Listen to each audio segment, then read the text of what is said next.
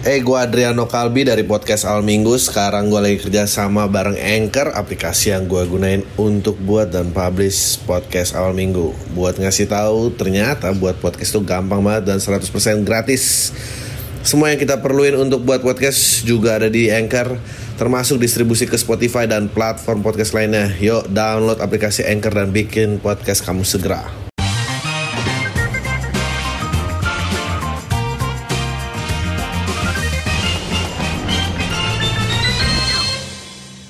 Halo semua lagi dengerin podcast malam minggu bareng gue Adriano Kalbi dan bareng gue udah ada eh, gold medalist. Waduh. Waduh, bro. Masih, masih ma- senang gak sih kalau diperkenalkan dengan cara seperti itu? Hmm, seneng. Ah, senang. Beatrix Manu Putih. Gue seneng banget pengen, ya sebetulnya pengen kenal aja sih, pengen ngobrol, pengen tahu gitu kayak wah, kalau atlet gue mungkin baru pernah ngobrol sama Denny Sumargo doang. Oh. Ya mungkin lo yang kedua. Oh, oke.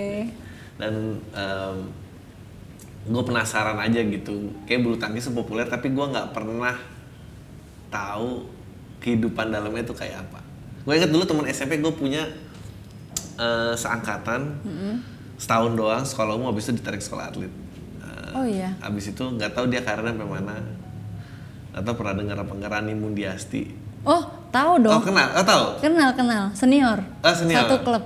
Oh, satu klub. Ya iya, Rani tuh dulu satu SMP sama gua. Tapi ya ya ya kenal setahun SMP doang kelas 1 habis itu dia pindah. Dipanggilnya Mbak Asti. Ya Mbak Asti betul. Iya. Dia dia sampai mana sih karirnya kalau dia? Dia tuh masuk pelatnas juga. Masuk pelatnas Iya, kan? cuma duluan kan karena senior. Cuma ada klubnya kan ada beberapa klub nih Hmm. badminton. Nah, satu klub juga Oh, klubnya apa namanya? Jaya Raya. Oh, Jaya Raya. Iya.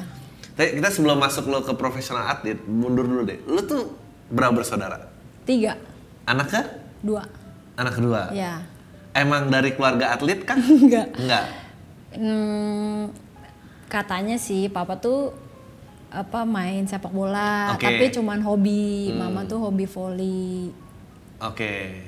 Campur. Kakak tuh sukanya main basket, Oke. ada main basket. Nah, waktu ini cerita nih, udah Ya masuk. cerita aja. Ini Jadi tentang lo waktu- kok. Jadi waktu gue mau main bulu tangkis itu, jadi kakak tuh suka main bulu tangkis juga, Hmm. bola juga, basket juga. Nah pas bulu tangkis tuh ikut, Hmm. ikut, em, ya ikut, ikut-ikut main-main. Nah kata pelatihnya nih adanya semangat nih, adanya Hmm. aja. Tapi sebenarnya nggak ada niat, cuma karena dia lagi latihan, ikut ngumpulin-ngumpulin kok gitu. Oh. Nah pas kakak selesai, nah udah latihan. Kok seneng ya terus besok balik-balik lagi, balik lagi. Umur berapa? 7 tahun atau 8 tahun gitu. Kakak waktu itu umur berapa? Umur 12 berarti, beda 4 tahun, 11 Empat tahun. Oh iya lebih mirip angkatan gua lah ya. Dia 85 berarti kelahiran. 84. 8 eh 84 sama sama berarti. Iya, iya. Itu sangkatannya Asti. Jadi bakat ya udah ikut aja udah ikut. Iya. Gitu. Innocent aja jadi nggak Iya. pernah ada ini. Heeh. Nah pas kakak berhenti, Hmm. terus bilang lah kok kakak berhenti sih jadi kan udah nggak datang lagi nih udah nggak ikut latihan lagi terus pernah kabur minta dianterin. Jadi di rumah tuh ada adiknya mama. Anterin dong anterin latihan. Nah papa sibuk kerja mama di rumah kabur latihan latihan latihan sampai akhirnya sama papa oh ini anak serius kali nih. Ya udah di jadi ditemenin. Oh jadi temennya. ditemenin anterin. Eh kompetisi mulai apa sih istilah jadi at, pertandingan. Pertandingan tuh kapan? pertandingan pertama tuh em, SD kali ya? SD udah ikut pertandingan. Jadi udah dari klub yang di itu kan klubnya dekat rumah di Bekasi. Pindah tuh ke klubnya di Jaya Raya itu. Oke. nah jadi mama sama papa nanya-nanya. Jadi ada keluarga dari mama. Dulu pernah juara em, tingkat Asia Junior lah Hmm. internasional juga. Tanya klub yang bagus apa nih buat cewek? Nah di inilah Jaya Raya. Pas ke Jaya Raya ada pertandingan ikut. Nah itu kalah kalah tuh. Pas ikut pertandingan sekali main kalah. Hmm. kalah nangis. "Uh, gimana nih? Pokoknya pengen menang pengen menang pengen menang gitu. Apa sih? Jiwa kayak jiwa-jiwa nggak mau kalahnya tuh ada. Ya udah latihan lah latihan. Ya udah latihan. Pokoknya latihan mau gimana caranya biar bisa juara? Dikasih tahu lah sama Itu umur berapa? Udah kayak gitu mindsetnya? itu. Ya SD itu. SD ya, itu? 9 Oke. tahun itu. Oh. gimana caranya biar bisa menang nggak mau kalah dikasih tahu ya udah harus latihan yang rajin. Ya udah aku mau latihan rajin gimana? Ya udah dicariin lah sama papa itu. Eh, yang sama saudara mama itu ini ini anak ini mau latihan nih keras kepala. Ya udah latihan sama sama om lah latihan. Nah latihannya tuh sampai minggu-minggu pengen latihan. Hmm.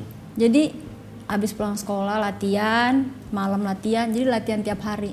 Waktu eh, ASEAN Junior Championship tuh umur berapa? 2005 ya? 2005 ya Nah, dan Itu, 2006 sini. Jakarta, eh, Jakarta, Kuala Lumpur. Hmm, itu pas udah SM, SMP apa SMA ya itu udah ikut, udah ikut. Itu tuh apa sih orang tuh itu namanya apa? At profesional kah? Apa atlet? Apakah junior atlet? Itu dikirim. Junior ya sih? Oh, iya junior, junior tapi tingkatnya udah internasional kan. Hmm. Oke, gue penasaran. Itu junior, latihannya tuh kayak apa? Masih ingat nggak menu latihan? Ingat lah. Ingat? Ingat. Oke, da- dalam seminggu berapa kali latihan?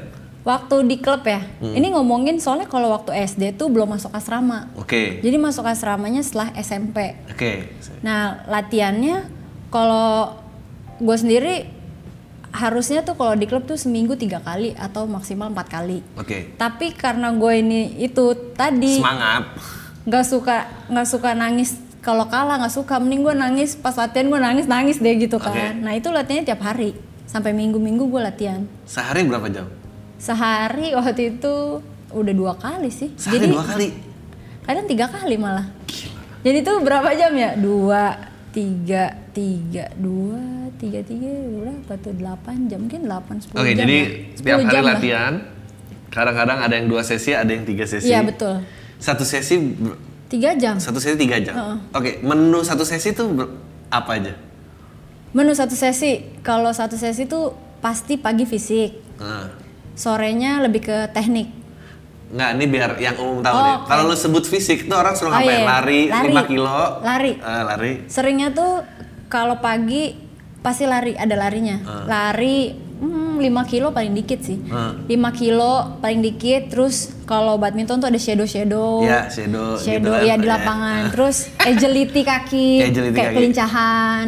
Pivot ya gitu apa? Iya, iya yang kakinya gerak-gerak gitu.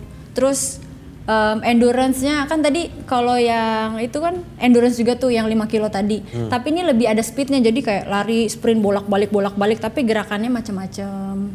Jadi gerakannya ada samping, puter pinggang Ya. itulah itu bagian juga dari fisik. Oke, itu satu. And then Terus ada besi pokoknya campur. Jadi Oh. misalkan hari ini ya udah berarti endurance dulu nih abis lari, shadow ya. Nah itu aja menunya. Besoknya ganti. D- dari dari berapa peserta sampai akhirnya oh, lu nih yang kepilih untuk mewakilin? Sebenarnya rame jadi mungkin ada 20 atau 15 orang ya. Oh, Yang- 15 orang. Di ini ngomongin di klub ya rame sih. Kurang lebih sih 20. Cuma kan yang bertahan tuh nggak banyak. Jadi ntar lama-lama pas naik em, SMP orang yang ini udah nggak ada. Misalnya Iya. masuk di klub, kita udah di klub Jaya Raya. Masih ketemu nih teman-teman yang dulu tapi udah nggak sebanyak yang ini yang ada orangnya ada tapi dari luar Jawa, dari em, Sulawesi, Kalimantan gitu. Nggak, gue pengen nanya. Jadi eh bakat apa kerja keras? Kerja keras sih. Kerja keras ya. Lo pernah gak waktu awal-awal kayak kayaknya dia tuh lebih jago sih daripada gue? Ada nama yang Iya iya. Pernah jadi waktu masih kecil mikir. Jadi dulu tuh barengan emang sama nggak barengan sih beda setahun kan sama si Gracia Poli itu. Gracia nah dia tuh gue baru masuk di klub Jera ya. Dia tuh udah juara gue sekali main kalah. hmm, Dia tuh udah juara-juara tapi kita tuh nonton. Buset gimana itu ya kok bisa juara? Ya papa gue cuma bilang eh, papa sama mama ini sih support juga nih. Dia bilang nggak ada yang nggak ada yang nggak bisa. Pasti bisa dikalahin kita lihat aja dia latihannya kayak apa. Balap kan udah tahu nih oh yang jago kayak gini latihannya. Ya udah dibalap aja. Kan kita tahu tuh dia kayak apa latihannya, kayak jagonya sampai mana maksudnya masih kelihatan orangnya. Terus kalau pas lo kemarin dengar berita akhirnya dapat emas gitu teman sendiri gitu, Nggak ikut seneng. ikut senang ya? Nggak apa? em, kalau sebel gitu ya maksudnya? Iya sebel apa kayak kenapa bukan gue apa Enggak, gitu? enggak, enggak. Kalau gue mikirnya tiap orang punya berkatnya masing-masing. Kalau Hmm. gue ngelihatnya, oh itu udah jalannya dia, berkatnya dia. Kadang apalagi kita ngomongin olimpiade, olimpiade tuh kalau di eh, bulu tangkis atau di olah- dunia olahraga tuh itu dibilangnya tuh mistis banget loh. Iya, benar. bisa juga dibilang yang nggak di harap yang nggak biasanya menang bisa di olimpiade tahu-tahu menang. Iya, iya. Sering tuh kayak gitu. Ya mereka kan mereka kan kemarin eh, nggak di ranking malah. Iya, Nggak unseeded di- kalau nggak salah. Iya, unseeded ya. Gara-gara masalah yang di All England kan, terus jadi unseeded kalau nggak salah. Iya, jadi dia kan ranking 5 atau ranking 6 ya. Eh, Nah, itu kan nggak di apa ya? Kan rata-rata yang diprediksi juara tuh pasti ranking 1, ranking Hmm. 2, ranking 3. Ya kebanyakan pasti olimpiade tuh emang unseeded sih yang dapet. Ya sama kayak SEA Games itulah. Iya, Gue juga kan unseeded. Oh, sama unseeded sama itu. sekali nggak diharapin. Maksudnya nggak diprediksi lah. Lo waktu eh kan ganda tuh ya 2011 ganda dulu ya silver. iya iya pernah main double. Ah.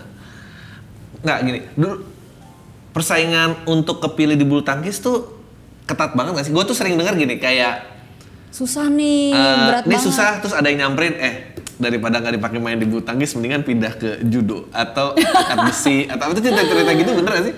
Saking persaingannya mungkin cowok lebih banyak kali gue juga nggak tahu. Ada gak sih kayak gitu-gitu? Banyak sih, bukan ba- maksudnya kadang teman-teman bercanda kan kalau bareng nih sama tinggal eh, waktu itu sekolahnya yang atletnya ada temennya sepak bola, volley, judo gitu, taekwondo macam-macam. Mereka sih bilang, "Lu kalau latihan capek banget sih." Eh, Terus kalau sekolah kan kita suka telat tuh kalau di Ragunan. Udah lu sama kita aja tuh enak latihannya. Kalau kita di sekolah, aduh capek banget nih. Iya lu capek, udah taekwondo aja, udah ini aja, volley aja. Enggak sih, namanya juga teman-teman bercanda kalau udah ya nggak mungkin lah tiba-tiba pindah. pindah gitu. Oh. Sekolah di Ragunan tuh eh, bedanya kayak sekolah umum apa sih? Bedanya ya, Eh. lebih ini ya apa? Jadi pagi latihan, Sekolahnya- terus sekolah, latihan lagi gitu. Iya bener.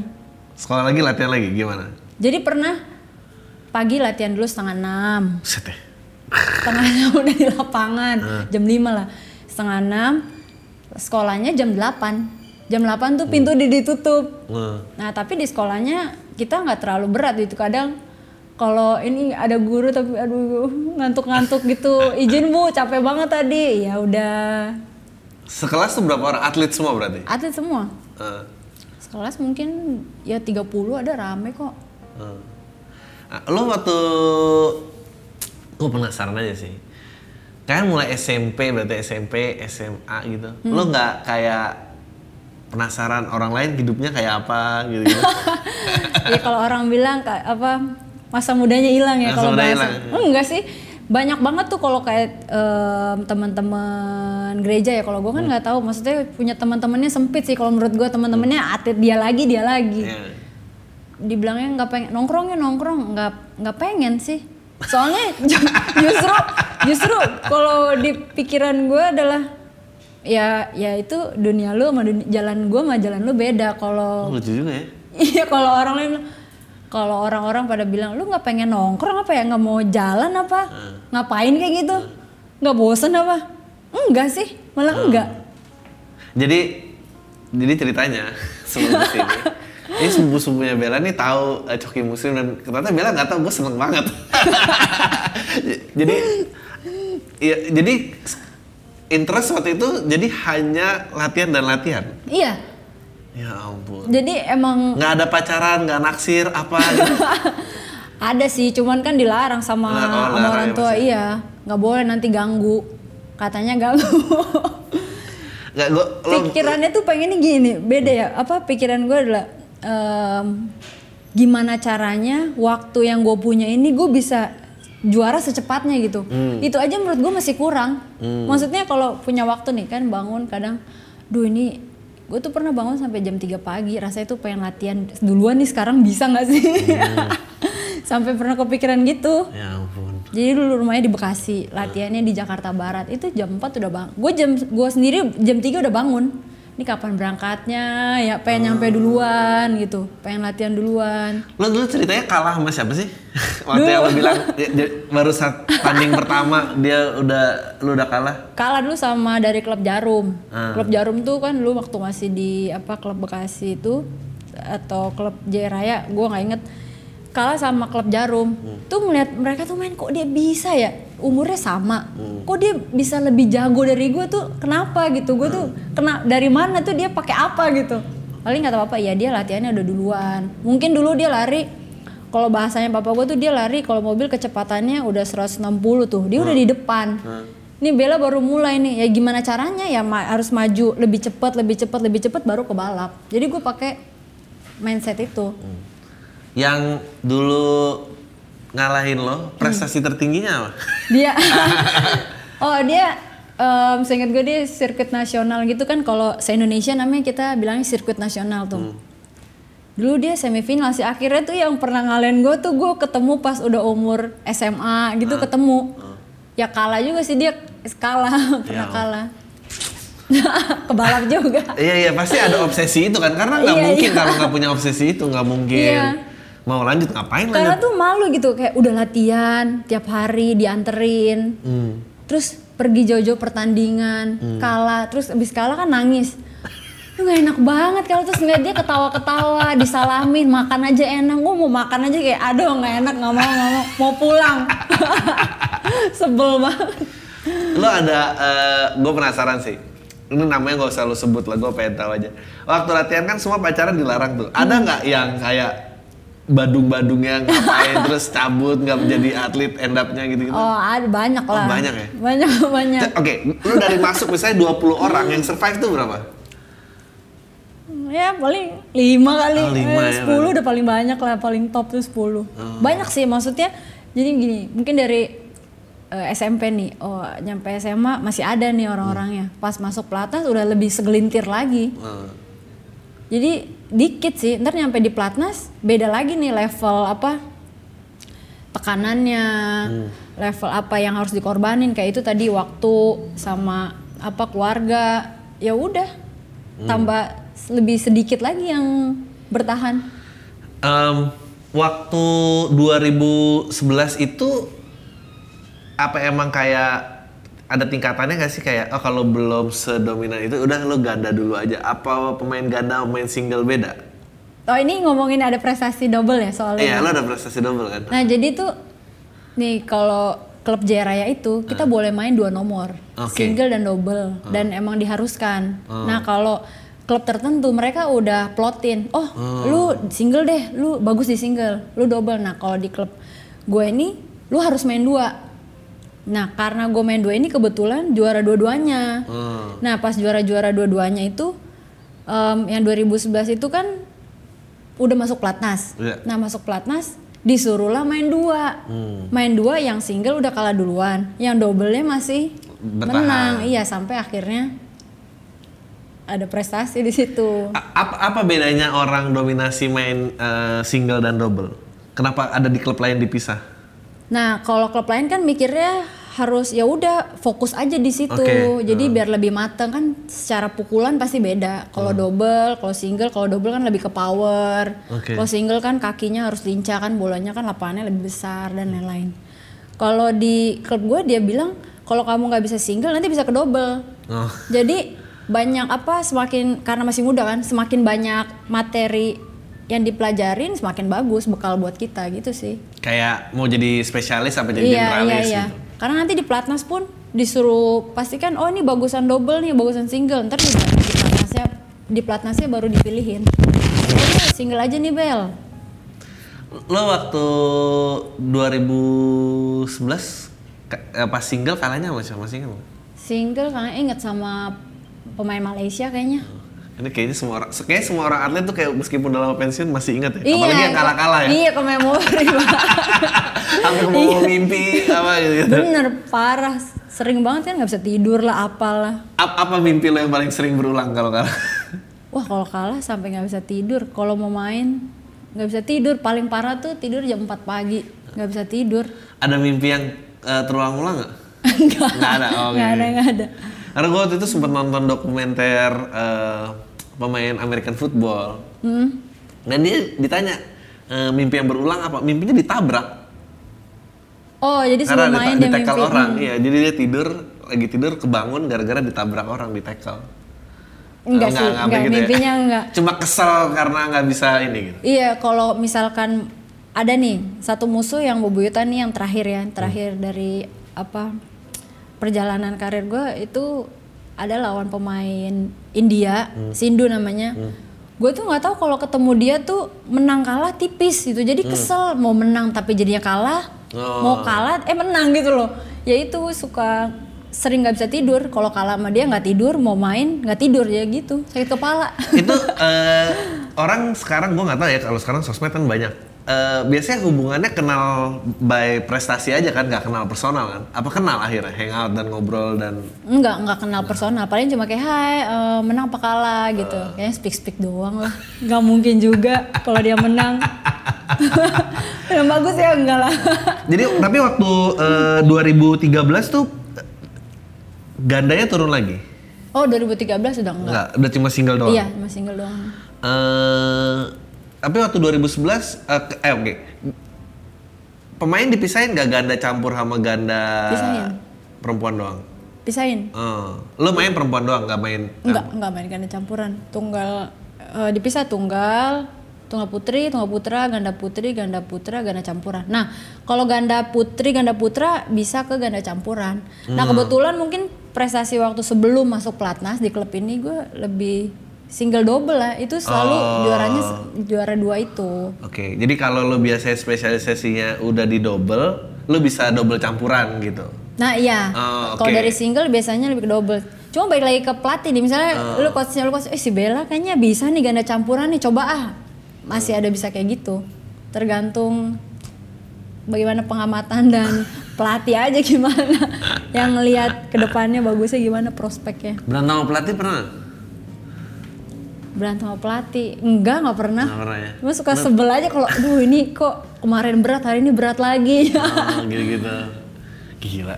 Gua gua nggak kebayang sih kayak nggak bosen apa ya? Heeh. Hampir separuh hidup. Gue waktu itu eh, kuliah sempet eh, ya salah satu perenang di Indonesia lah maksudnya dia dapat beasiswa di kampus gua dan tiap hari latihan renang. Renang.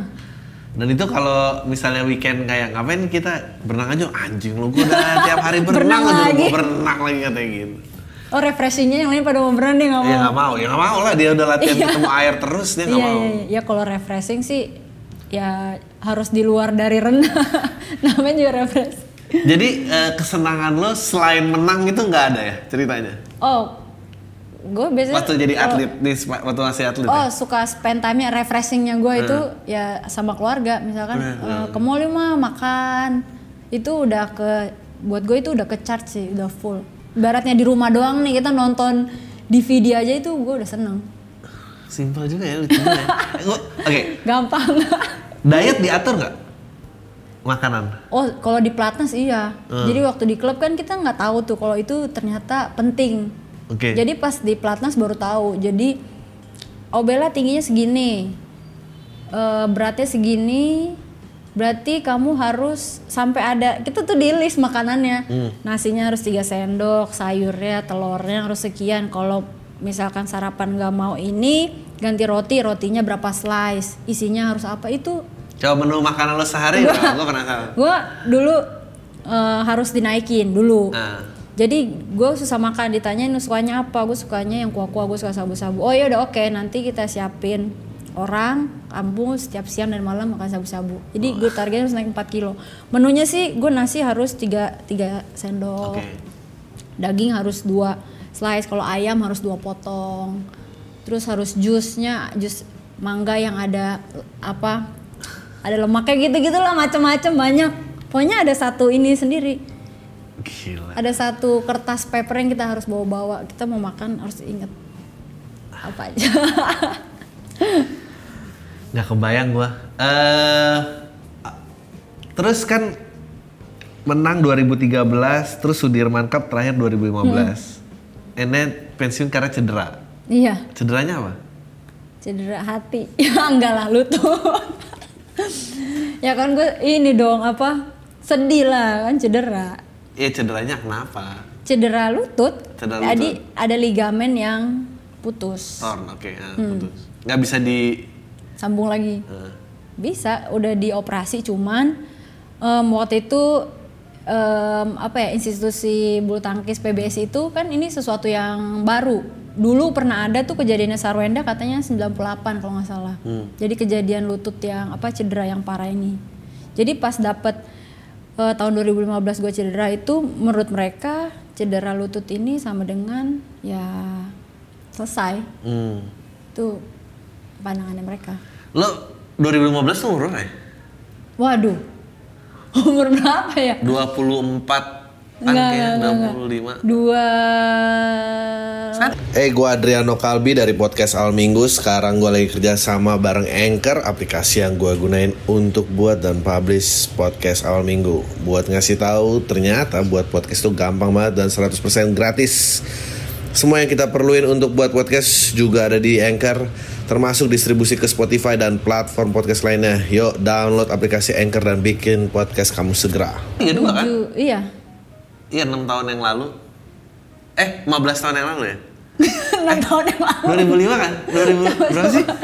Eh 2015 bener 6 tahun yang lalu. 6 tahun yang lalu 26 lah. Ya, 25 26, 25 26. 26, Eh, cederanya lagi tanding Lagi tanding, lagi main semifinal lawan China. Oh. Itu kalau ini katanya ya, kalau itu kita menang, maksudnya kita menang lawan Cina itu kan semi. Iya. Berarti kita udah pasti bawa Piala Sudirman itu. Soalnya finalnya malah nggak seberat sama seminya. Oh. Kita pas udah unggul tuh Indonesia 1-0. Eh, berapa lama lo recover recovernya 4 bulan atau 7 wah 11 bulan sih jadi pertamanya tuh waktu jatuh cedera itu Huh? nggak nggak kepikiran operasi Oke. iya. kepikirannya tuh oh ini terapi aja terus nanti sembuh. Nah jadi terapinya tuh tiga bulan pertandingan lagi. Oke. pertandingannya wah lo harus tahu sih gue baru pulang dari dokter ke terapi untuk pertama kalinya. Pelatih langsung buka. Jadi em, dua minggu lagi siap tanding. Hah? Ini belum bisa jalan. Iya sakit banget pasti. ini belum bisa jalan. Maksudnya gue pengen banget. Cuman kan gue aja jalan aja masih pakai tongkat. Itu eh, akibat overtrain apa emang salah step lagi tanding? Apa apa sih? Susah ya nentuin gitu ya? susah ya. Kalau soalnya kalau menurut dokter ini menurut dokter bilang pertama faktornya kelelahan. Pasti ya. kedua ototnya nggak kuat karena yang kena kiri kan. Nah mungkin yang dilatihnya tuh dulu fokusnya kanan. Oke. nah jadi yang kiri itu ada otot karena yang si acel itu yang ligamen depan. Nah otot paha belakangnya yang nggak kuat. Mungkin dulu karena Ini ACL-nya. iya kalau acel kan yang depan Iya. ya. ligamen yang depan nah berarti yang nopang yang paha Belakang. hamstring belakang itu yang nggak kuat Itu yang snap. Iya, itu yang kenapa jadi dia lututnya tuh numpunya terlalu kerja berat lah. Kan capek, tegang juga. Deh. Itu mau itu Cederanya ingat Kobe banget. Bryant tuh. Eh Kevin Durant juga Kevin gitu. Durant iya. Banyak kalau di basket sih sama Iya. sepak bola kan. ACL itu udah biasa. Kevin Durant tuh lagi ngedrive gitu tiba-tiba belakangnya snap geter gitu pada Iya, gitu. Langsung lemes kan. Heeh. ya lebih kecewa kalah apa kecewa cedera? Cedera sih. Kalau lu nggak cedera lu masih pengen lanjut berapa lama lagi kira-kira? Nah, itu dia yang nggak tahu. Biasanya Mungkin umurnya berapa lama sih periodenya eh, golden age-nya gitu? Umur berapa berapa? itu nggak bisa ditentuin sih kalau ngomongin golden age-nya ya kayak sekarang aja tuh yang terakhir Apriani kan masih muda dia udah juara. Ya nggak tahu maksudnya eh, tuanya dong kita ngomongin. oh tuanya. Kalau kayak tuanya kan Kira-kira- kayak kaget saja tiga empat. Oh tiga empat. tiga empat aja masih bisa.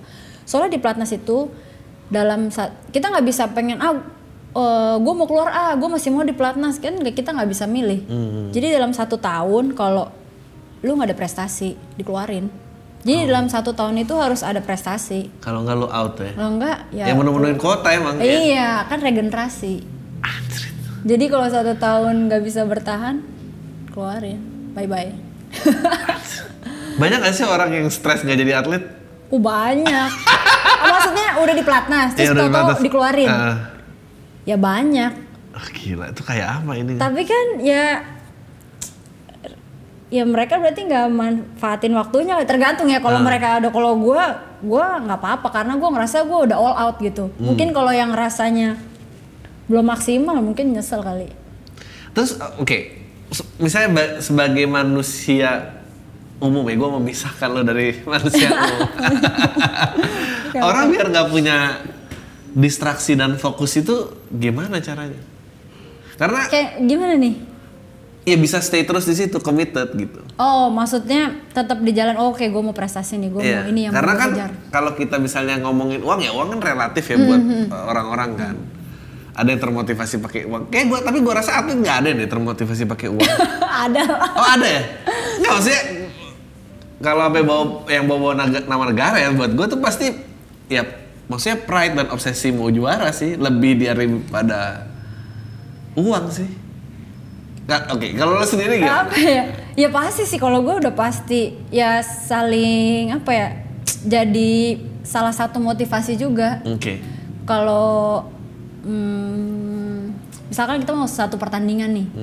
Wah, ini gede sih bonusnya nih. Oh iya. Jadi jadi nambah kayak oh jadi lebih semangat. Semangat, itu semangat, aja betul, sih, betul, cuman nggak jadi motivasi utama.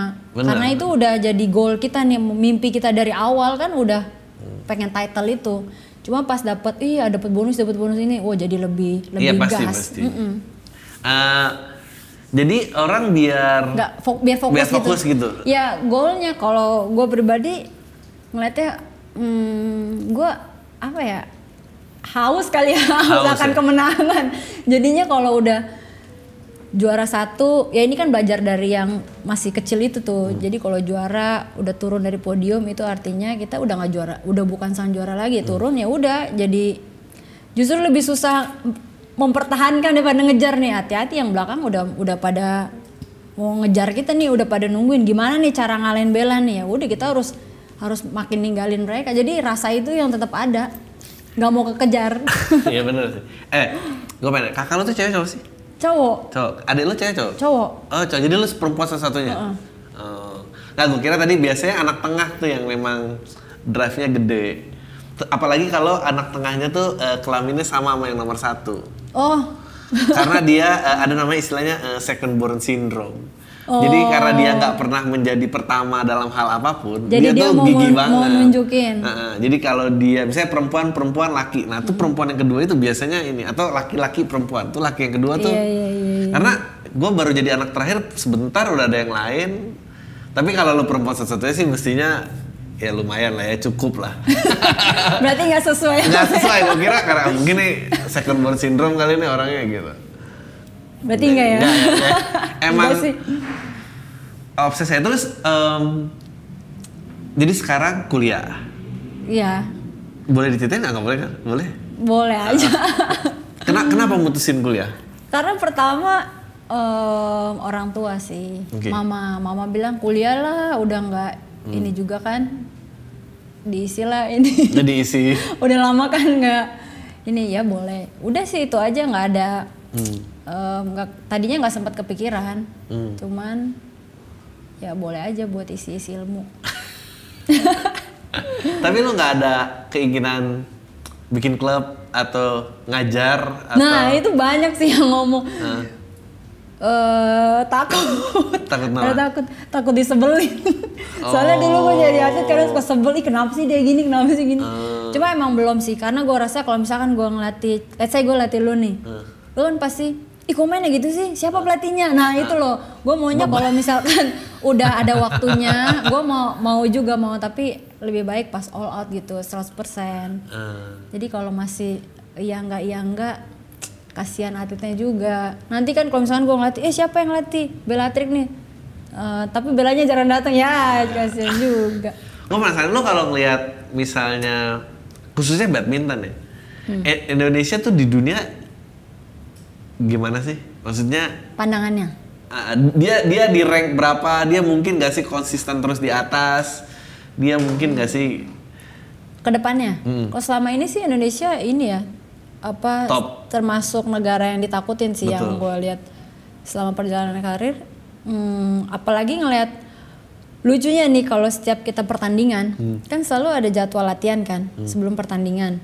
Itu kalau latihan kan misalkan ada lima lapangan Hmm. Dari Inggris, dari Hmm. Jepang, Thailand.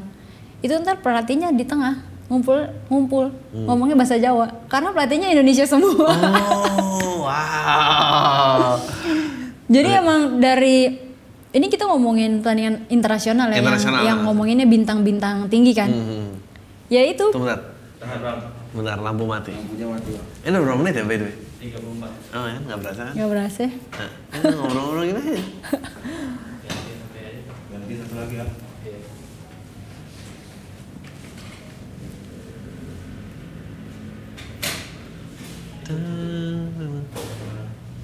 Jadi eh, ini S1 S2 Satu. Kok ragu gitu sih jawabnya kenapa? satu ya satu. Hebat juga masih mau kuliah lo Gue sih udah gak sanggup Udah males ya, emangnya S2 gak mau, udah cukup. Si... eh, ka- kapan selesai sidang? Sidang. Udah. Kemarin? Kemarin baru Itunya kapan? Graduation kapan? Oktober. Oh, tuh. Bangga lo, bangga. Tahu nih perlu bangga apa enggak ya? Ya, Kadang mikirnya "Eh, orang juga nggak peduli juga. Ya itu kebanggaan sendiri ya akhirnya bisa ada title. Soalnya mama yang mau sih, ya udahlah boleh. Daripada katanya, ntar orang kan taunya gini atlet. Nggak, hmm, pemikiran orang ah, atlet kan nggak sekolah. Nah gue tuh pengen ya. mau Dulu juga stigma temen itu. gue, uh, gue satu kampus sama Akbar Nasution. Mm-mm. Eh, ya dia dapat beasiswa di kampus gue. Itu salah satu hal yang paling dia takutin adalah itu. Apa tuh? Ya bodoh. Hmm. Dia bilang, gue gua nggak ngerti hal lain selain ini. Padahal waktu itu gua ngeliat dia tuh kayak, wah gila hebat banget seumur gua udah istilahnya mandiri, berprestasi, berpenghasilan. Ya orang ternyata pandangannya lain ya. Eh, sedangkan gue cuma istilahnya ya masih di sekolah orang tua lah gitu istilahnya kayak gue nggak bisa ngapa-ngapain terus dia bilang ya gue paling takut karena bentar lagi nih nggak Nggak lama lagi waktunya dia ya. gue tahu waktu gue nggak lama eh, bentar lagi gue akan pensiun dan pasti yang muda tuh apa ya ya lebih baik Iya iya secara maksudnya dia harus materi. siap diganti yang namanya muda ya. Mm. Iya sama pikirannya. Soalnya kan orang mikir oh atlet mah Ini kok, PSD. oh, emang bisa diganti-ganti ya warnanya Bisa Pak. Bisa. Oke. Cep.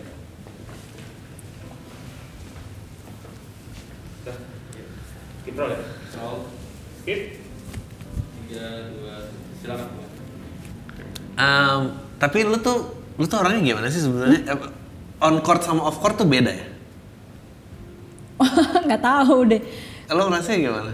Kalau gue sih dari tadi gue dapet kesan lu sangat ya reserve, pemalu. Apa emang baru Kalau di kenal? lapangan sih serem sih. Oh, serem. Katanya sih gitu. Cuman ada juga yang bilang eh, apa kayak nari lah di lapangan. Tapi pasti galak lah kalau sama musuh kan harus galak biar dia takut. Iya, iya, biar Kalau enggak dia ntar kesenengan. Tapi lo off court beda orangnya. of course ini ngomongin beneran di luar ya. Iya. I- iyalah. Oh, Kan- nggak nggak intimidatif berarti. Enggak, enggak. Enggak, enggak, enggak, enggak. Em, jadi oke, jadi Indonesia tuh emang di bulu tangkis namanya gede banget. Jadi pelatih tuh banyak dari Iya, iya, kita dan segala macam gitu. Itu iya itu ngomongin yang internasional. Yang tadi yang dibahas apa?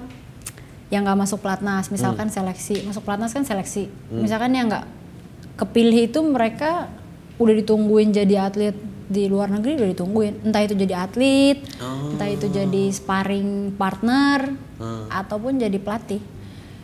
Di luar Indonesia tuh banyak banget di negara. Ini yang gue tahu sih baru sampai di Kanada, Amerika, di setiap kota itu teman-teman.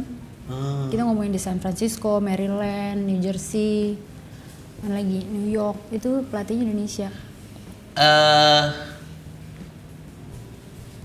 gue lagi mau nanya, apakah penghidupannya lebih baik?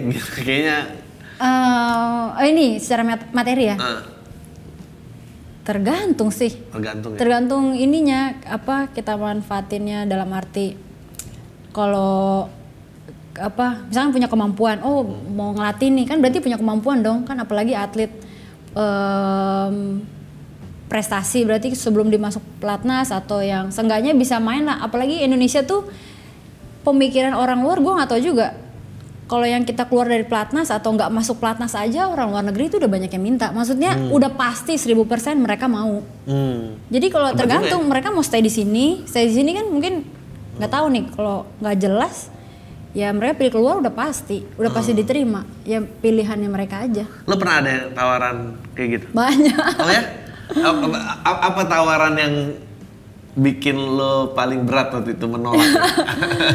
ya karena jauh dari mama ya kan papaku udah nggak ada Oh. gue pikir mama gue wah kalau nggak ada gue kan gue cewek apa lebih deket sama mama padahal tawarannya udah wah menggiurkan banget apa? Coba ceritain. Gue tahu. dapat tempat maksudnya dapat kendaraan untuk mobile ke Enggak, sebagai apa posisinya? Ngelatih oh di mana? posisinya Negara apa? ngelatih di Amerika Oh di Amerika. Iya oke. ngelatih di Amerika di kotanya lupa ya ada dua atau tiga kota gitu. Beda-beda dikit sih harganya. Maksudnya tawarannya. Oh wow. tapi semuanya nawarinnya pokoknya tempat tinggal. Hmm, ini ya nanti kontraknya dua tahun nanti dalam setahun tuh boleh pulang dua kali. Ibu nggak boleh dibawa. nggak nanya sih cuman pas tahu aduh Amerika jauh banget ya kalau pengen tiba-tiba pengen pulang PR banget. Enggak deh. Oh, enggak, enggak sejauh itu kok sekarang. 20 jam penerbangan aja. Hmm, iya Kalau eh, misalnya ini lo boleh pilih masih yang mau deket-deket aja kayak Asia Tenggara gitu masih mau. Enggak, eh, Enggak leb- juga. eh, lebih suka buat Indonesia aja deh Oh ya? iya Ah itu gue juga penasaran.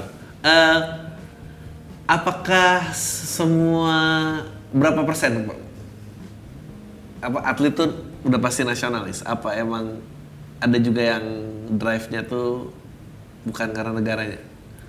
Ya itu sih mungkin kebutuhan ya. Mungkin dia pikir kebutuhan, di Indonesia gue nggak diterima nih ada yang mau gua. Jadinya ya ini kebutuhan kebutuhan hidupnya dia ya balik lagi. Kalau dibilang nasionalisme kayaknya nggak mungkin juga. Nggak mungkin kalau misalkan dia kalau ada ada pilihan nih beberapa kayak teman ya ada yang dia em, diajak ke Dubai untuk ngelatih di sana.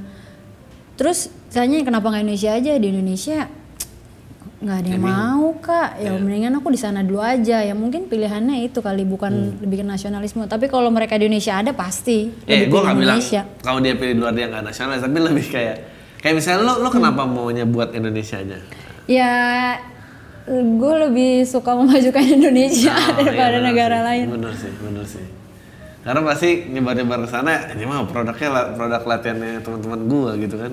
ya kalau di luar kan ya kayak terakhir oh itu pelatihnya Indonesia ya Hmm. ya kita nggak tahu sih ada pro kontra juga cuman ya dari gue sendiri gue lebih suka Hmm. buat Indonesia aja Lo eh apa ya gue bilang? Kalau lo ngeliat kenapa pemain ada yang bisa jadi eh semua pelatih tuh mantan pemain gak sih?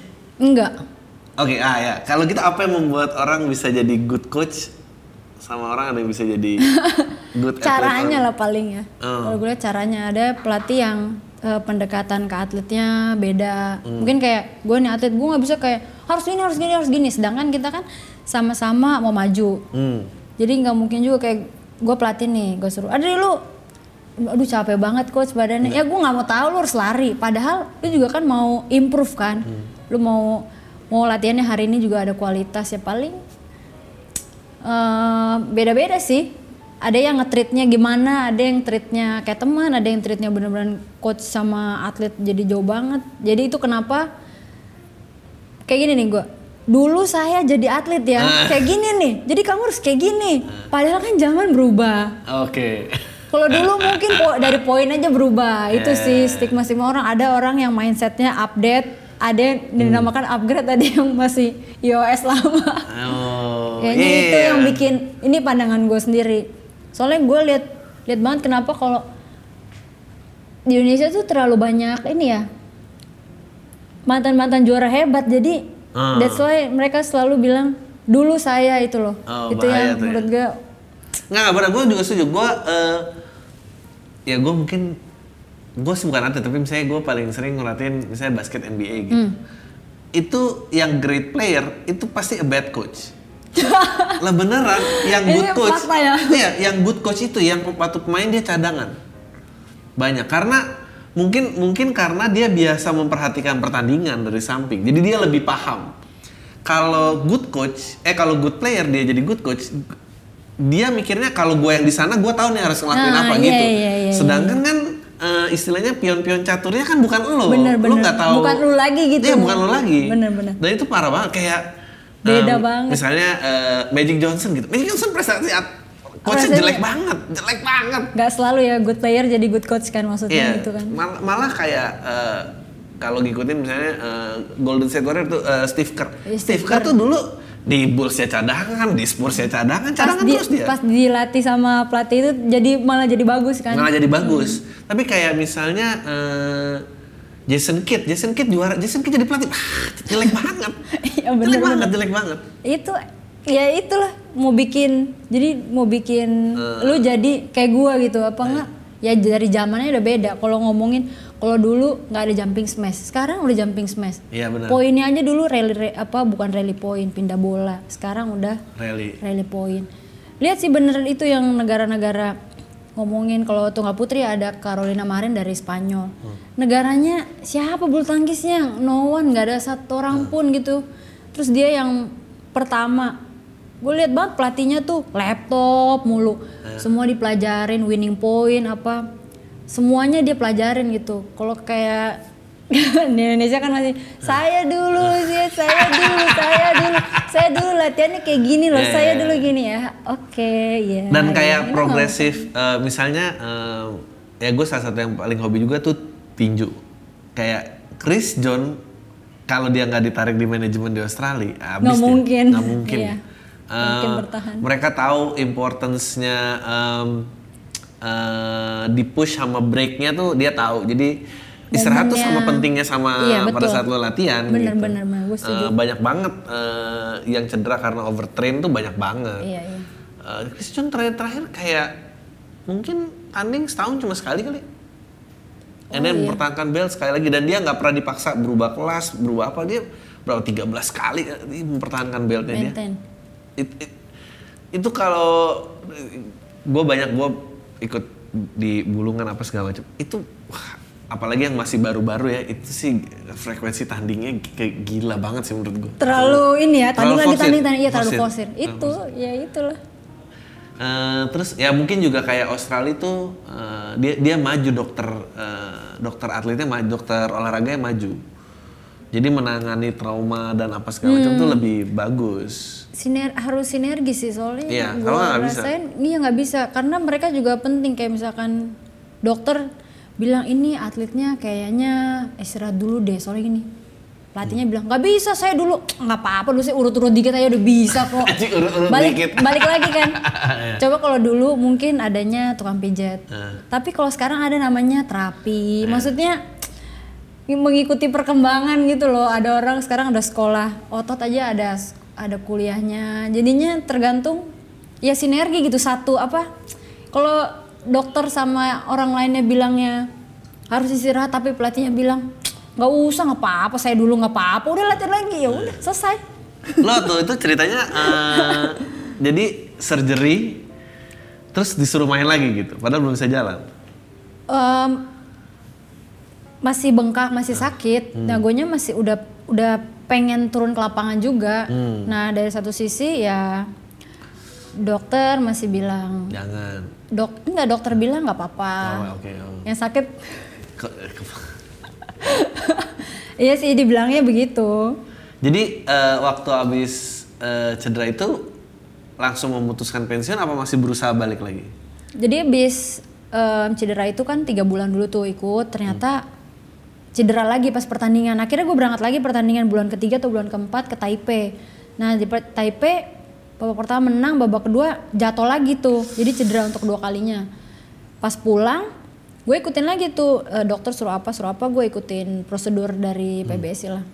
Ternyata pas latihan latihannya nggak ini nggak ngikutin. Jadi setiap latihan bengkak bengkaknya seminggu. Latihannya cuma dua kali bengkaknya seminggu. Jadinya capek ya udah akhirnya dengan ngobrol ya diskusi-diskusi ngobrol sama PBSI akhirnya mutusin untuk mengundurkan diri. Lo gampang nggak nerimanya? Nerimanya susah sih. Itu susah. susah ya sampai aduh ngapain ya aduh kok jadi berhentinya karena kayak gini cedera doang. Maksudnya kalah sama keadaan mikirnya gitu sih. Kalau keadaan. Iya, jadi yang menurut gue itu kalau sama keadaan tapi kalau ngeliat dulu ya, tapi kalau ngeliat sekarang ya gue bersyukur bersyukur sih. Oh kenapa? Karena pasti ada ada something yang sekarang apa maksudnya Tuhan Ada hikmahnya. ya, ada hikmatnya. Nah, sekarang gue rasain puji Tuhan nggak apa-apa deh nggak apa-apa gitu. Gue Kenapa lo pikirannya kayak gitu? Kenapa? Apa kalau misalnya waktu itu dilanjutin, apa yang nggak mungkin lo dapet Mungkin- sekarang? Eh, mungkin kalau dilanjutin gue mungkin nggak kepikiran untuk kuliah mungkin terus nggak mungkin karena kalau di pelatnas itu ya lu kacamata kuda ya tadi lu nggak bakalan ngeliat ke kiri ke kanan gitu nggak bakalan. Lu nggak bakal kepikiran oh gue mau ini gue mau itu. Sedangkan HP aja gue aja bakal batasin. Gue dulu kalau terima telepon siang gue nggak mau. Gua bilang maaf apa pokoknya gue nggak mau terima telepon siang. Malam. Itu pun kalau jam makan malam gue lagi santai malam-malam. Terus kalau udah gue mau refreshing mau santai terus gue mau tidur. Jadi kalau nelfon gue cuma boleh malam jam makan malam. Gue nggak mau. Siang-siang terus aduh ini ini ini. Aduh gue nggak mau. Pasti HP-nya nggak mau. Gue nggak mau terima telepon. Kalau mau mama datang gue masih nggak apa-apa. Gokil. Gokil. Gokil. Eh, tapi nggak ada teh, nggak ada rasa kehilangan, nggak ada apa ya karena beda aja. kehilangan apa? Misalnya ngeliat nggak ada merasa iri sama orang di luar apa. Ah, enggak sih ya itu enggak kan beda. Apa kalau mereka kan kehidupannya beda. Mungkin mereka ya lain lah. Tujuannya aja udah lain. Kalau gue kan punya tujuan sendiri. Gimana sampai sana gue udah pikirin nih jalannya gimana ininya gimana. Nggak udah nggak kepikiran. Nggak ada waktu mikirin. Gokil, gokil, gokil, gokil, gokil. Lo kalau misalnya, oke, sama ini. Eh, cara orang latih ya, itu kan lu, lu ikut lama nih ya, maksudnya. eh, orang makin lembek, apa orang makin keras, apa emang itu karakter ngelatih aja? oh pelatih Heeh, karakter dia ngelatih atlet heeh. kan beda-beda soalnya gue waktu itu ganti-ganti pelatih maksudnya, sih maksudnya dengan maraknya semua dan mental health dan segala macam Hmm. ini, pelatih itu tetap old school aja, apa dia juga berubah? seharusnya seharusnya Seharusnya menurut lo gimana? seharusnya harus chill aja sih Oh, chill aja. saat yang penting satu visi gitu karena Iya, gue yakin kalau gue sebagai pelatih lu pasti mau Iya. juara Iya. gue pasti mau lakuin yang terbaik Hmm. agar membantu lu sampai di tempat itu percuma kalau gue kasih menu latihan lu nya nolak dari diri lu sendiri nggak bakal Jadi lo nggak percaya eh, latihan yang sampai diteriak-teriakin dan jatuhnya abuse gitu nggak percaya? Jadi bikin orang lebih maju? Eh, percaya sih, cuma Tergantung- tergantung, lu pasti kan ngomong Oh. gue, coach nanti kalau gue udah capek lu harus support gue ya, soalnya gue kadang perlu tuh digitu-gituinnya itu. Oh, tapi harus datang dari atlet. Iya, atlet Oh. apa maksudnya pelatih juga pasti lu nanti ini gue teriakin ya itulah kerjasamanya kalau Oh. dikasih jarak ya nggak bakal ngobrol. Lu lu ngomong sama gue takut, gue ngomong sama lu Iya. juga takut karena jarak itulah.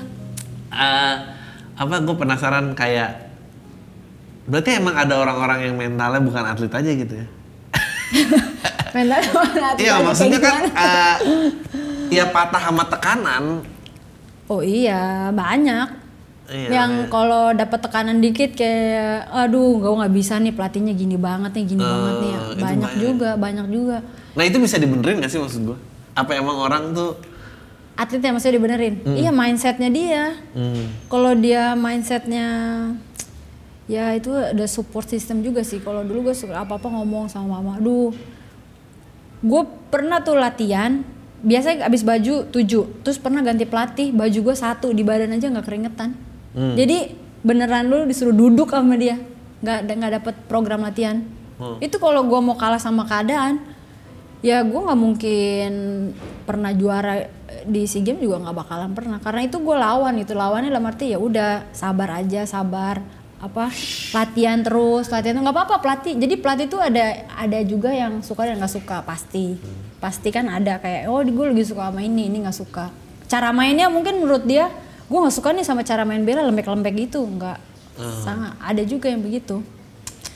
Jadi ya tetap konsistennya tuh ya udah nanti juga kata mama bayar sama prestasi. Jadi sewaktu ada kesempatan tunjukin jangan pas udah ada kesempatan dateng baru Oh nggak siap iya nggak siap sama aja Oke. Tunggu. Ini air masuk nggak sih? Masuk tipis tuh. Oh tipis ya udah cukup. ya. Air dari mana sih itu? iya. Nomor atletnya tiga loh. Oh. Buangan air. Ini berapa menit? lima empat Oke, ini yang terakhirnya sih. Oke. Jadi eh rencana ke depan setelah kuliah kelar belum tahu. Sekarang lagi ini sih ada usaha-usaha kecil-kecilan. Eh, usaha? Em, usaha lagi bikin vitamin, Oh. farmasi sama kosmetik. Oh bener tuh, suplemen juga satu hal yang gak ada yang merhatiin tuh di sini. Ya maksudnya kalau ada pun eh, ya lu pasti import mbak merek-mereknya ini. Padahal kayaknya eh, lifestyle sehatnya kan tumbuh terus. Hmm, iya iya iya. Ya karena kan gue pikir atlet juga kan em, apa cerminannya adalah hidup sehat, hidup Hmm. ya tau lah ya cerminan orang meskipun enggak misalkan gitu. Ya gue pengen aja sih ada usaha. Ya harus survive lah. Ya harus survive. Harus survive ya. Lu eh, nggak pengen ngelatih atau kalau lu pengen ngelatih pengennya kayak apa gitu? Pengen sih ngelatih pengen. Sebenarnya bukan beli pengen latihnya pengen menciptakan Oh bibit-bibit. sang juara gitu pengen ada keinginan cuman karena gue pengen sebelum ya itu tadi gue pengen kalau gue misalkan punya klub ya gue pengennya gue turun gitu. Turun karena sebenarnya bukan hanya skill aja itu tadi kan support system kita nggak tahu. Kayak misalkan ini anak latihan play kalau di klub. Ini bener nggak nih makannya tidurnya? Tuh dari ini cowoknya keluarganya sebenarnya support nggak sih? Kalau gitu kan kita nggak tahu nggak bisa cuman kayak latihan latihan. Ini anak latihan mukanya bete nih nggak masuk nih emang harus 100 Eh, bener ya. harus 100% sih pikirannya di situ supportnya Ya kalau dia dibuang sama keluarganya atau enggak, papa nggak restu kamu jadi atlet oh su. kabur nih anak pantesan kepikiran terus sih ya kan latihannya nggak masuk Nah itu ada ya cerita-cerita gitu ya? ada banyak cuma jadi gue kalau mau ngelatih ya nanti mungkin beberapa waktu ke depan lah sekarang lagi fokus bangun bisnis dulu Iya, iya. nggak tanya ya, satu lagi. Gue penasaran. Eh, ke- kenapa orang tua biasanya takut anaknya jadi atlet? Dulu kali ya kalau sekarang kayaknya enggak Kalau dulu kenapa? ya dulu mungkin eh, gambarannya adalah oh pemerintah nggak perhatiin Ah, tapi oke. kan sekarang eh, semuanya bisa lihat kan ternyata Iya. pemerintah dan sektor swasta juga perhatiin kok kalau apa berprestasi pasti perhatiin tapi kalau nggak berprestasi ya ya nggak mungkin lah pasti yang harus berprestasi Iya, baru- like anything in life lah. Iya. di tempat lain juga kalau nggak diprestasi ya udah Hmm, dipecat iya. gitu. makanya harus all out nggak bisa setengah-setengah ya udah itu aja obrolannya gue thank you banget. Gue seneng banget sih ngobrol-ngobrol gini ntar. kalau ada apa lagi gue mau ntar pengen tahu tentang atlet-atlet yang lain. boleh Thank you. thank you